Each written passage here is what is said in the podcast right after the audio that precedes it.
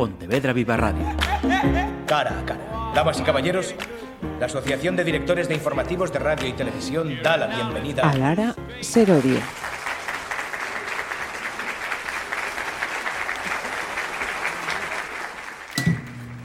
Cuando me levanté aquella mañana para ir a trabajar y miré a mi alrededor, enseguida me di cuenta de cómo me transformaba en casa cuando Nico no estaba. La montaña de platos crecía, la manta del sofá parecía arrugada, la cesta de la colada rebosaba. Era como si en su presencia fuese la persona que a todos nos gustaría ser y en su ausencia me convirtiese en la alumna descuidada que aprovecha que el profesor sale de clase para vaguear.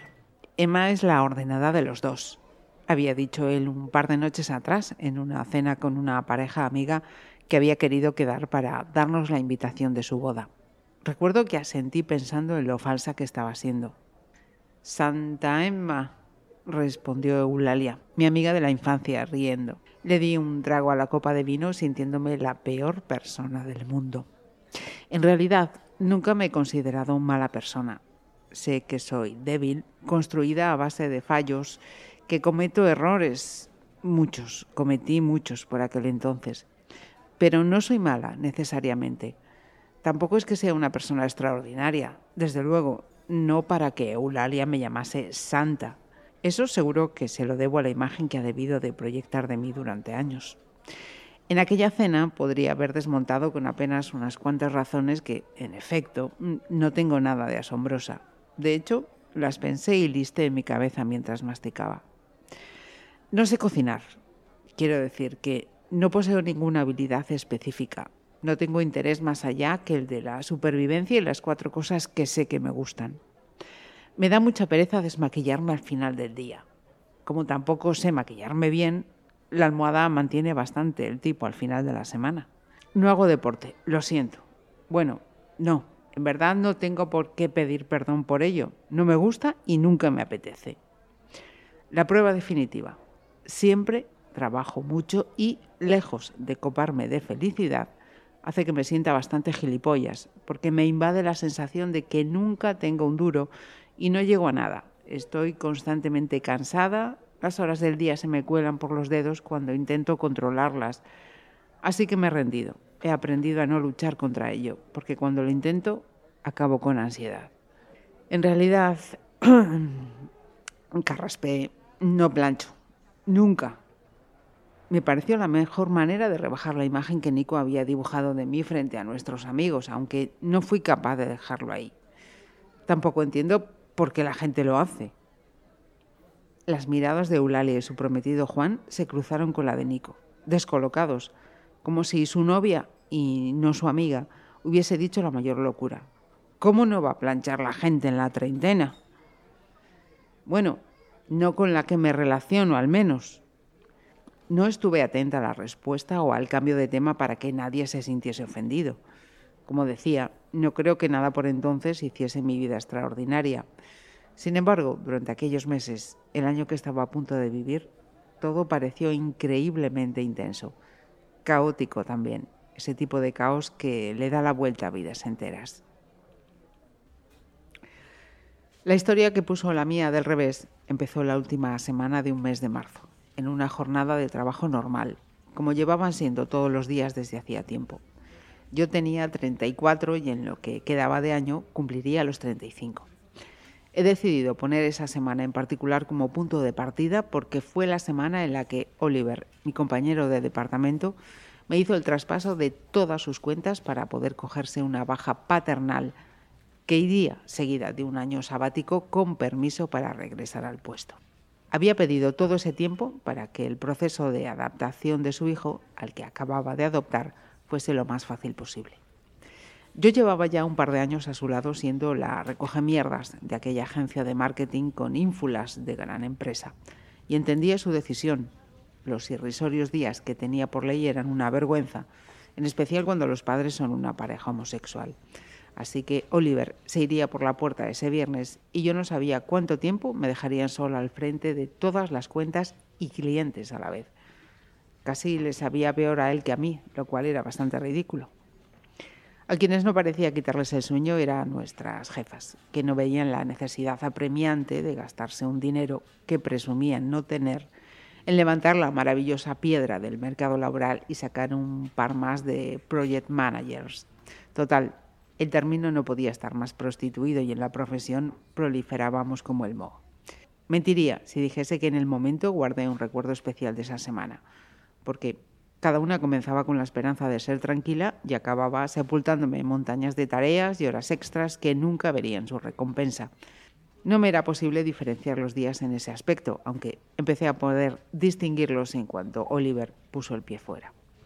Pasé a comer sola, a no disfrutar de la hora entera, a llevarme conmigo un libro del que nunca conseguía pasar la página porque enseguida tenía que atender la llamada urgente del cliente de turno. La idea de que Oliver se fuera me hacía sentir mayor rencor hacia la agencia. Una empresa de marketing más que empleaba nombres de grandes clientes en su página web para aparentar, pero que luego gestionaba su docena de empleados como fichas de tablero dispensables.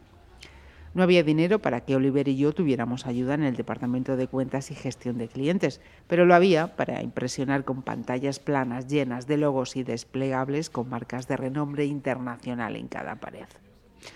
Para ignorar esa rabia, en vez de tragármela, me pasaba muchos minutos muertos ensimismada, prestando atención a la vista que me proporcionaba estar en la esquina de la última planta, contemplando el mundo desde aquel chaflán de l'Eixample, los coches peleándose por la prioridad en el cruce.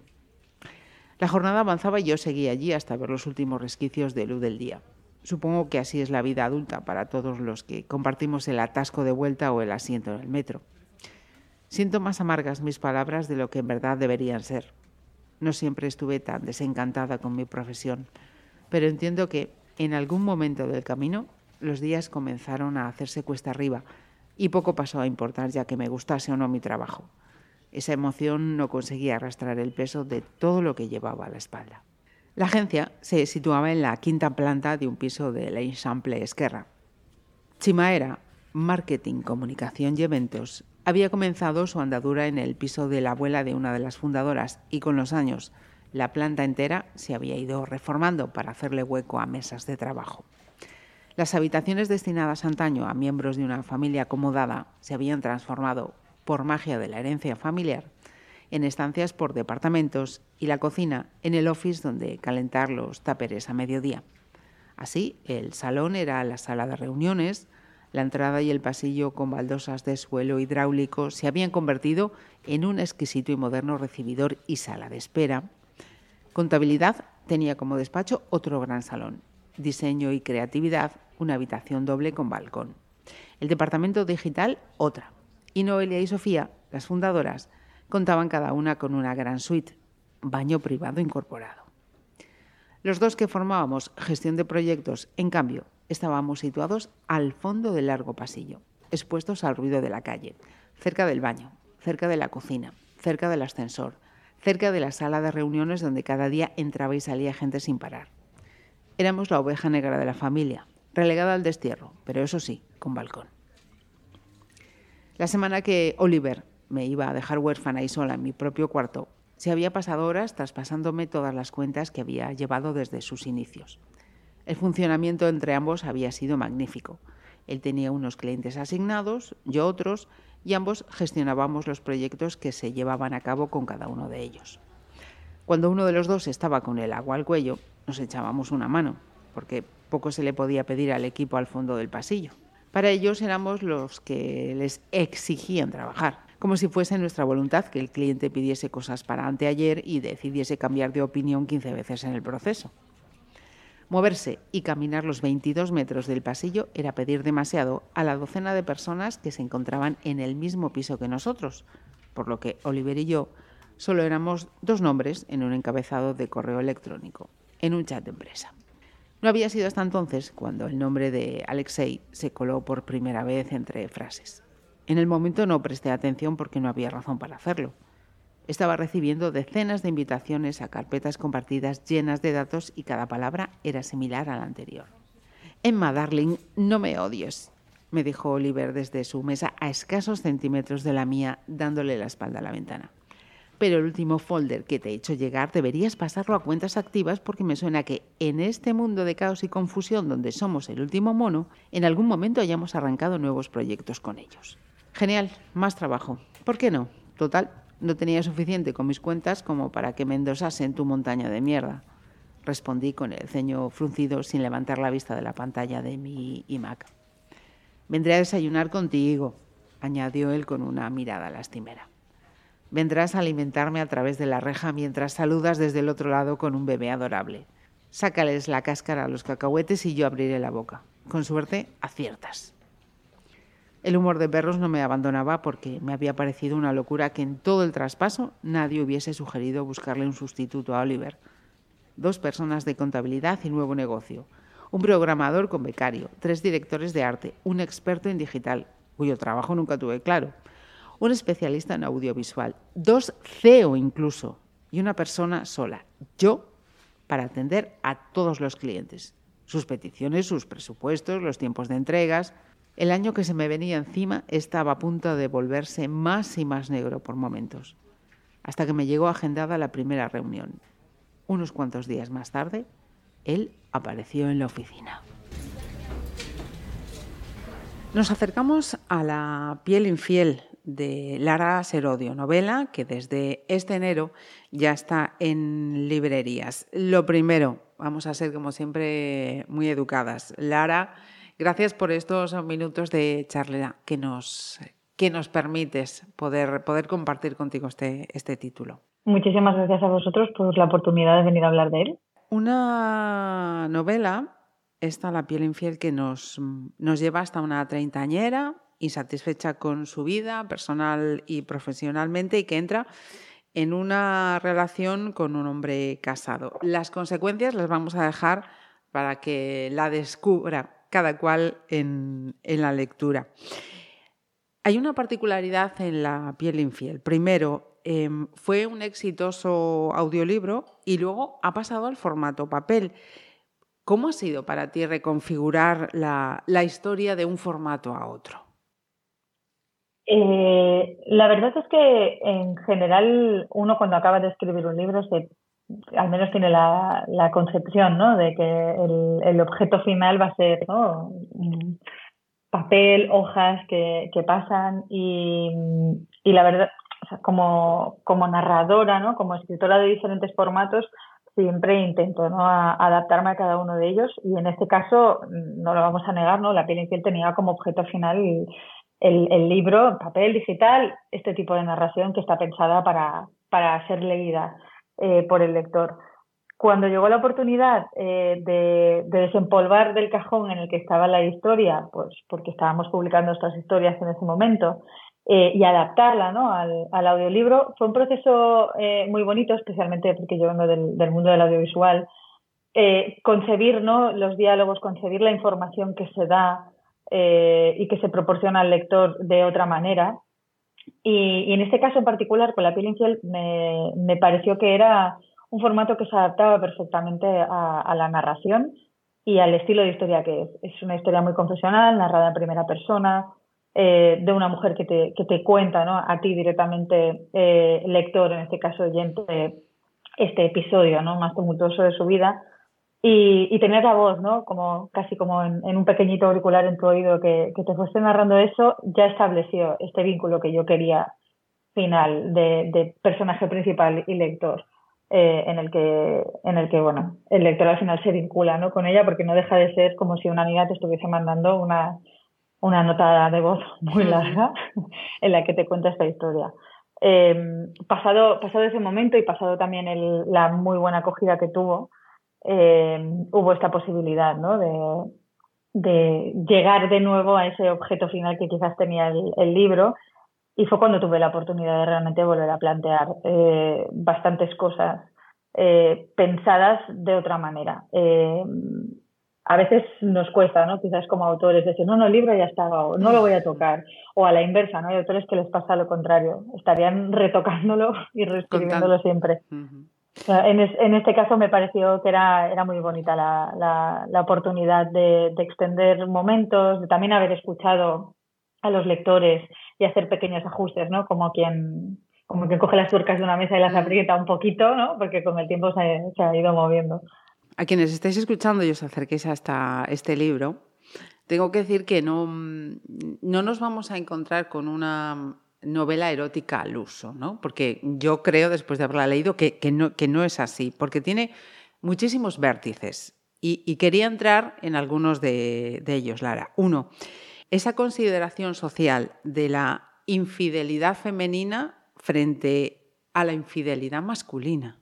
Sí, eh, me gusta mucho esto que acabas de comentar justamente porque es muy fácil, eh, especialmente en el mundo del libro, eh, etiquetar y, vivir bajo esa etiqueta, ¿no? Eh, a veces incluso pasa que, hay uno o dos libros que desentonan en la mesa según la etiqueta en la que están y dices, espera, esto es, ¿no? Comedia romántica, ¿cómo? Eh, entonces, la etiqueta de lo erótico ya venía quizás, em, o, es una etiqueta que, que, de antemano se sobreentiende de una manera eh, por, por el lector y, o que al menos es la capa ¿no? principal en la que se queda. Y desde luego no era mi intención ni mucho menos. Creo que, mm, que el sexo es un vehículo, ¿no? o, o, la parte erótica, que por cierto aviso a lectores, es, es explícita, pero es, es real, que muchas veces mm, en las eh, novelas eróticas nos encontramos eh, una serie de narraciones que quizás no están tan conectadas con nuestras experiencias reales.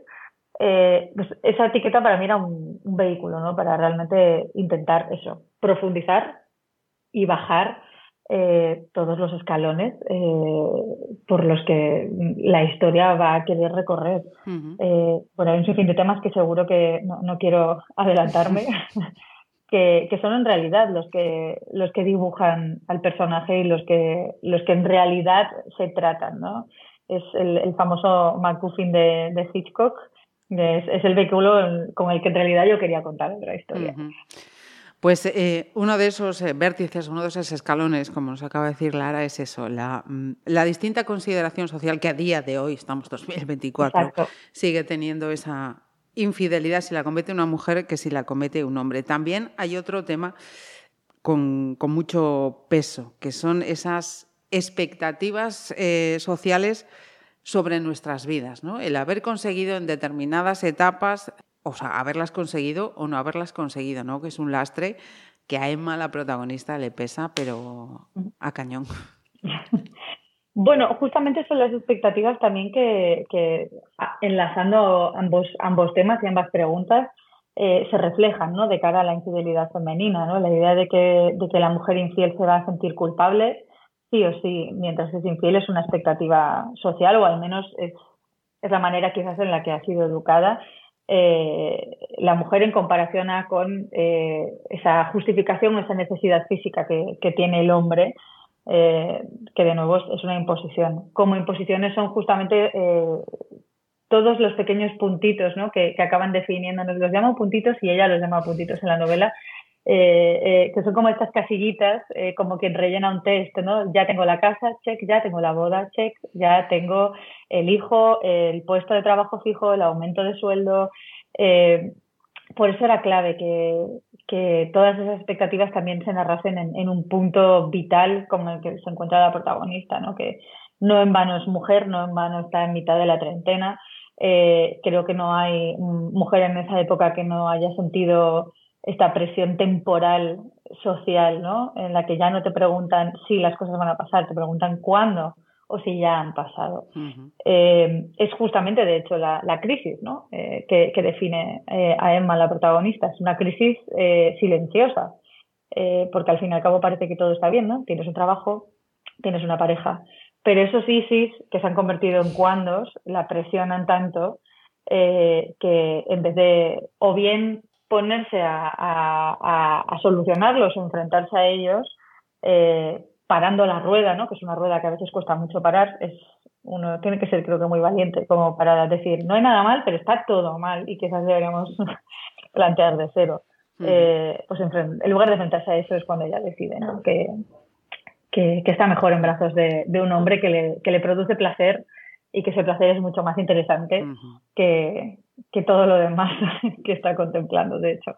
Veo que voy por el camino correcto porque nos eh, hablabas ahora de, esa teoría de los puntitos y tenía yo aquí previsto preguntarte, ¿lo de la teoría de los puntitos es eh, cosa tuya o, ya estaba por ahí y yo todavía no había, no había caído?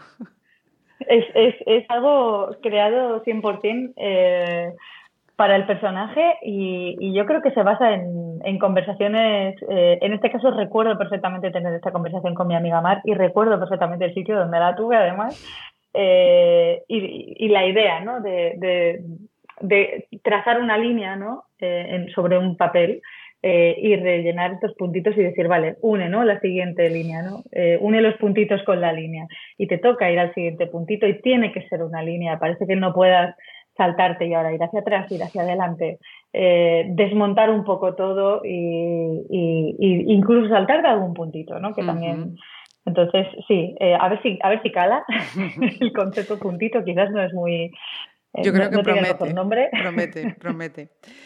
Hablábamos en esta anterior cuestión de esas expectativas sociales y también otro de los vértices de esta novela, nuestras propias eh, expectativas, de cumplirse o no, de cumplirlas o no, y de mm, conformarse o no conformarse, y tú lo, has dicho también en, estos eh, minutos que llevamos de charla, tener la valentía de tomar el timón y dirigir el rumbo.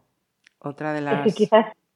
Sí, sí, sí, totalmente. Hay, hay otra de las teorías de la novela, justamente. Hay muchas teorías de la novela, pero esta, esta, no, esta no es mía, eh, o al menos el concepto en sí no es mío. Eh, creo que ya estaba, ya está extendida, o al menos la metáfora ya está extendida, ¿no? Que es la idea de, que somos como un barco y que cuando el barco es pequeñito es, es más fácil eh, cambiar este rumbo.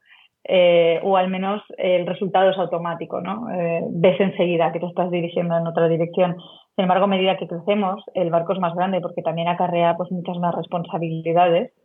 Eh, entonces, lo que comentábamos, para mí la palabra clave es valentía, tener la capacidad de, detectar que hacia donde se está dirigiendo el barco no es donde queremos ir, eh, ser eh, capaz y sacar la voluntad de mover y también ser consciente del ejercicio ¿no? que cuesta y de que a veces incluso eh, estos grados que vamos a cambiar en el rumbo no van a ser perceptibles ¿no? en, el origen o en el resultado final eh, a primer golpe de vista. Em, fuera del, mundo metáforas, esto se traslada justamente eso, ¿no? que muchas veces parece que tengamos ya la vida montada, vamos a decir entre comillas, o, asentada con, todo lo que hemos ido construyendo.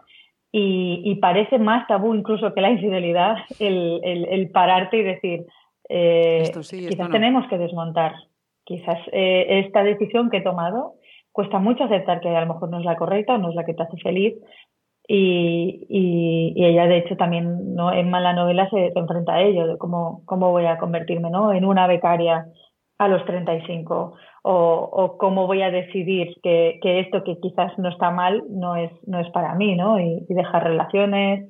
Eh, son movimientos muy difíciles de, llevar a cabo, pero me parece que también hay que, arrojar un poquito de luz, que hay que visibilizarlos, que, no todas las historias a veces eh, vienen por parte de personajes que tienen la fuerza de llevar a cabo estos cambios, eh, ¿no? Y que quizás muchos de nosotros nos sentimos también identificados con personajes que como nosotros tienen fallos o tienen dudas y desde dentro es muy difícil entre toda la niebla ver Encajar eh, el rumbo. Qué camino seguir, exacto. Encajar el rumbo es muchísimo mejor y más poético.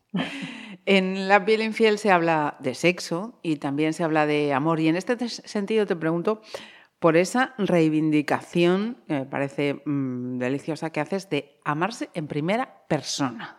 Es que es una historia de amor propio por encima de todo. De hecho, todas las historias deberían ser historias de amor propio porque más allá de que exista una relación romántica, eh, mm, tiene que pasar por el hecho de que tú estés bien y te quieras a ti mismo por encima de, todo lo demás.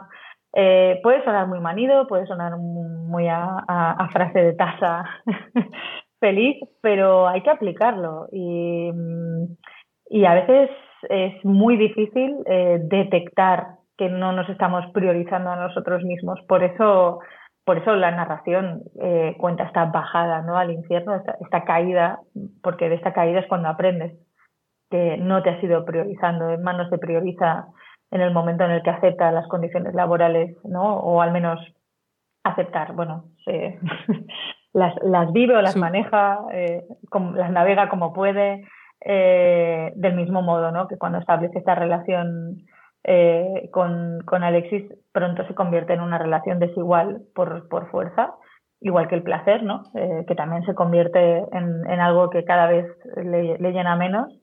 Y todo esto son decisiones o son pasos de la vida que nunca están poniéndola a ella ¿no? en, el, en el foco de lo que quiere y de lo que necesita. De nuevo, también requiere mucha valentía o al menos mucho autoconocimiento o quizás un poquito de ayuda de terapia, eh, saber detectar cuáles son estas necesidades, saber detectar dónde están los límites que tenemos que poner para vernos a nosotros y cuidarnos a nosotros mismos. Eh, de nuevo, es una historia de salud mental, eh, más allá también de amor propio. Y hablando de, límites, también nos dejas constancia en, en, esta novela de de esos peligros del amor romántico y, de lo que es la realidad. Y con tu permiso, hay una frase que, que hace mucho pensar. La única manera de no sufrir llegados a cierto estado de nuestras vidas es dejar de exigir la idea de amor y buscar la idea de compartir la vida con alguien. Me parece, vamos, para hacer, ¿eh? hacer una pausa y empezar a pensar mucho tiempo, ¿eh? Mucho, mucho tiempo. Respiremos, respiremos de ello. Esto es algo que, que cuesta mucho de digerir, creo, y, y, no sé, creo que nos hacen falta espejos y reflejos alrededor para verlo. Em, yo creo que puedo trazar exactamente el momento en el que me di cuenta de esto y fue un día que mi madre me dijo que, que no estaba enamorada de mi padre. y tú como, como hijo piensas, te llevas las manos a la cabeza y dices, bueno, ¿cómo es esto posible? ¿no? La idea de, de amor, ¿cómo no puedes querer a alguien con quien has formado la vida? Y justamente la, la, consecuencia de la frase venía por ahí, ¿no? Quieres a esta persona, la quieres tanto que justamente compartes la vida, pero está bien dejar de lado la idea de que siempre tienes que estar enamorado, siempre tienes que querer a esa persona y más empezar a, caer en la cuenta de que esa persona es tu compañero de vida, es tu compañero de viaje. Eh, quizás si rebajamos esas expectativas y aceptamos esto, nos será eh, mucho más fácil eh, gestionar la, la, decepción. A mí de verdad me pareció una lección precisamente por eso, para poder gestionar esta frustración, ¿no? Cuando de repente dices, es que esto, quizás esto se parece o no se parece, o cuál es, el, cuál es la diferencia o cuál es el terreno eh, entre que algo esté asentado o acomodado y algo simplemente esté bien. Eh, y yo creo que es eso. Pues eh, otra cuestión más para, para dejar descansar un poquito al, al amor, ¿o no? y quienes mm, leáis La piel infiel vais a entender perfectamente esta pregunta. ¿Une más el dolor que el amor? Mm. Qué, buena pregunta, la verdad. Eh, sin duda, eh, es un tema que me planteé coger con pinzas cuando me adentré en, la historia, eh, por, por, dos razones. La primera de todas es que no, no, no estamos adelantando nada a ningún lector, eh, el personaje de Alexis se define por la pérdida ¿no? que, que, que acarrea, que es que ha perdido una hija. Eh, durante toda la historia va habiendo como pequeñas ventanitas o pequeños fragmentos eh, que no, nos dan acceso a la vida de Alexis y de su pareja, de su mujer, y justamente ¿no? me gustaba la idea de, de cómo ellos dos a partir de ahora ya no están unidos por el amor por el que crearon una familia, sino que están unidos por la pérdida y es una pérdida intransferible, es un dolor que solo ellos dos conocen de la misma manera y ese vínculo va a estar ahí siempre. Em, es algo que me parece muy crudo, pero a la par también me parece eh, irrompible ¿no? y único. Y, son fragmentos que a día de hoy todavía como escritora, y creo que eso es, bonito, me ponen todavía los pelos de punta el haber intentado bucear en, ese tipo de unión. Eh, luego el tema del, dolor está muy presente a la hora de, justificar el, placer y el, hacer ¿no? de Alexis. Y esto es algo que también va atado a una lectura de género. Y es que mm, Emma, en un primer punto de vista, se encuentra un hombre muy atractivo, pero cuando descubre que detrás del hombre hay una pérdida, siente un, mayor vínculo por esta necesidad casi de querer salvarlo, ¿no? De a través del placer poder mm, eh, minimizar ese dolor que ella no entiende y que ni siquiera, ni siquiera del, que ni siquiera hablan. Eh, entonces, eh, que el dolor vaya justificando, o al menos en la cabeza de la protagonista, todas las acciones de, Alexis a lo largo de la novela, creo que es algo muy, muy clarificatorio ¿no? de, de, cómo la mujer, en este caso Emma, ve al, hombre roto e intenta arreglarlo. ¿no? Eh, todo, todo el personaje de Alexis se define a través de esta palabra, eh, sin duda, pero claro, también tiene sus límites, porque el dolor no justifica ningún tipo o cualquier tipo de amor, vamos a decirlo así. Pues como veis, hemos ido transitando por diversos vértices. Aún nos quedan muchos ¿eh? que os vais a encontrar con, con la piel infiel y a Lara Serodio darle las gracias por estos minutitos de charla, que reside en Barcelona, si no me equivoco, pero estamos hablando con una gallega mm, de origen, con una viguesa. Sí, sí, sí, viguesa, vamos, Serodio, no creo que haya apellido más, más gallego. Llevo casi 40 años deletreándolo y, y explicándoles lo que significa. Eh, eh, sí, llevo ya la mitad de, de mi vida afincada en Cataluña, pero eh, vamos, más gallega que un centollo. pues Lara, todo un placer y muchísimas gracias.